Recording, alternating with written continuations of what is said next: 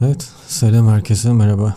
Mehmet ben. Bugün bu bölümde Budizmi konuşacağız. İlk Buda'nın hayatından başlamak istiyorum. Çok kısa böyle bir fikrimiz olsun. Şimdi bu Buda Budizmin kurucusu olan adamın gerçek ismi Siddhartha Gautama. Bu e, zamanında Nepal bölgesinde e, neydi Sakya kabilesinin yöneticisinin çocuğu yani prens kendisi ve 29 yaşına kadar da saray hayatı sürdürüyor. Böyle bir gerçek hayattan kopukluğu var. Gerçek hayata çıktığı zaman da hastalıkları, ölümleri vesaireyi görüyor ve bunlarla bu acılarla yüzleşiyor. Bu acıların sebeplerinin neler olduğunu anlıyor. Ee, ve sarayı terk ederek bir ormana bir grup keşişle beraber o dönemde zaten var olan bir grup keşişle beraber ve 6 yıllık bir zühd hayatına giriyor. Ve 6 yılın sonunda bunun da bir anlam ifade etmediğini, bir e, gerçek bir çözüm olmadığını kanaat getiriyor. Ne 29 yıllık bir zevk hayatı ne de 6 yıllık bir zühd hayatı. Ya bu radikal yaşamlar seni gerçekten mutlu edebilen şeyler değil. Ya buna karar veriyor ve bir denge olması gerektiğini söylüyor bu ikisinin arasında. Bir diğer söylemi de şey, e, bizim bu acılardan, ızdıraplardan kurtulabilmemiz için ihtirastan ve arzularımızdan kurtulmamız gerekiyor. Çünkü bir noktada zaten arzu etmediğin bir şeyi kaybettiğin zaman sana koymayacaktır. Yani ölümün çaresi olarak bunu buluyor.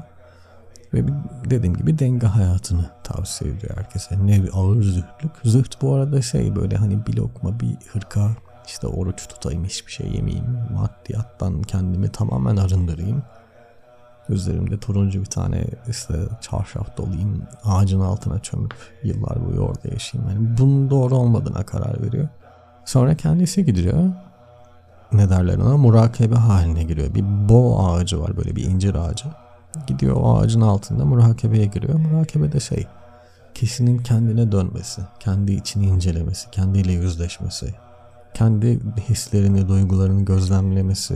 İşte buna murakabe deniyor bu haldeyken aydınlanmaya erişiyor ve bulunduğu yer daha sonra işte kutsal bir ziyaret e, alanı olarak kabul ediliyor.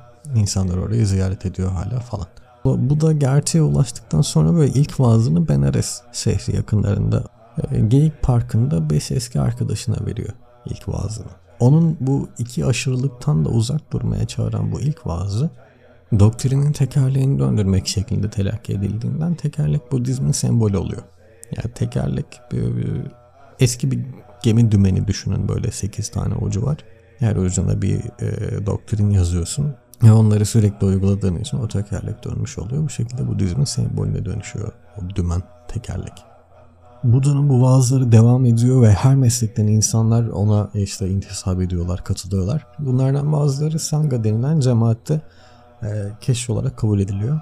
E, bu da onları dünyayı dolaşarak barış ve sevgi ve hikmeti yaymakla görevlendiriyor. Magadha krallığı sınırları içinde. Özellikle Rajagaha, Sravasti çevrelerinde Pencapa kadar uzandığı söylenen alanda 40 yıl dolaşıyor. Bazıları böyle büyük bir kabul görüyor. Ve işte 80 yaşını geçtiğinde de bu da öleceğini anlayınca yeğeni ve gözde Şakir'de Ananda ile birlikte kuzeye gidiyorlar. Tar Pradesh yöresinde Mallalıların ikamet ettiği Kusinara, bugünkü Kushinagara şehrine gidiyor. E, kesişlerine son öğütlerini verdikten sonra bir kanepenin üzerinde kendisini ölüme terk ediyor. Ve Buda'nın hayat hikayesinin de böyle farklı farklı versiyonları var. Kimisi daha mistik, kimisi daha mitolojik, kimisi daha böyle fantastik geliyor kulağa, kimi de daha realistik. Bizim şu an okuduğumuz işte daha realistik kabul edilen bir hayat hikayesi. Bu İslam ansiklopedisinde de var. Buda'nın hayatı ve doktrin diye.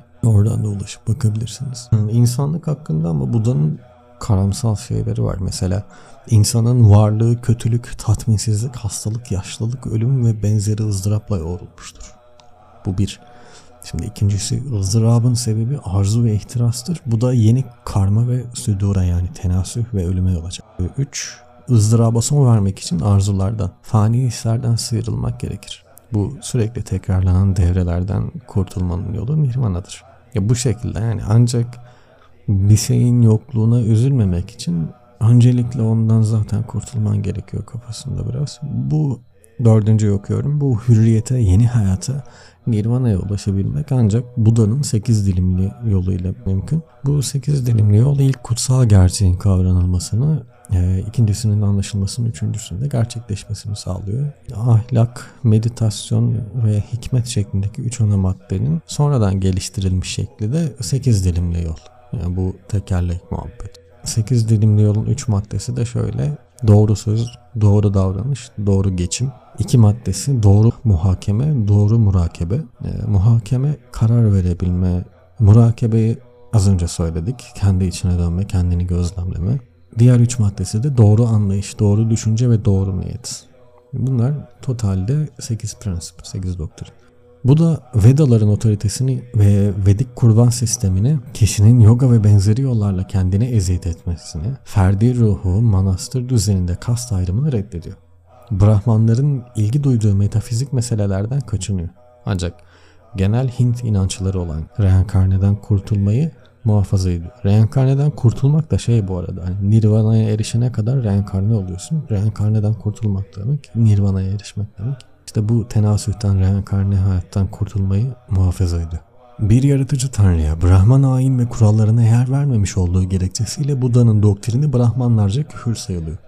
Gerçekten Brahman kültür merkezinden uzak bir bölgede doğmuş olan Budizm, Brahmanizmdeki antropomorfist tanrı anlayışından uzak olmakla birlikte Buda'nın tanrıyı inkar eden bir ifadesi de yok. Yani genel olarak adamın tanrı tasavvuru ile ilgili herhangi bir beyan yok. Budizm bir dindir ve Buda bunun peygamberidir şeklinde bir söylem yanlış olacaktır burada. Bakalım başka konuşabileceğim bir şey var mı? Budizmin yayılışı falan var ama az çok tahmin edebileceğiniz şekilde yayılıyor.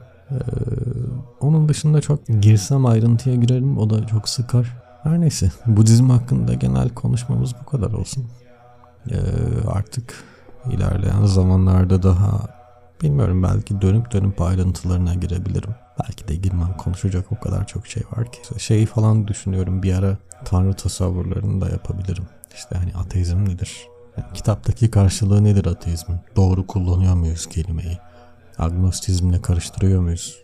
Kendimizi doğru tanımlayabiliyor muyuz? Bunlar önemli şeyler o yüzden.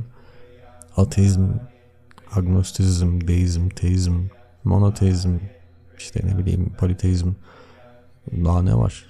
Panteizm, panenteizm daha bir sürü şey var bunlar gibi. Tek tek tanımlar, yorumlarız. Toplumlarda bunların karşılıkları var mı yok mu onlara da bakarız. Ama bu, buraya gelmeden önce şeyleri bitirmek istiyorum. Bu ara dikkatimi çeken voodoo dini var. Şu an hala var mı bilmiyorum bu dine mensup insanlar eminim ki vardır. O yüzden bir sonraki bölümümde voodoo dinine bakacağız. Zombi muhabbetine geleceğiz biraz. Ee, bir sonraki bölümde daha iyi anlaşılır diye düşünüyorum.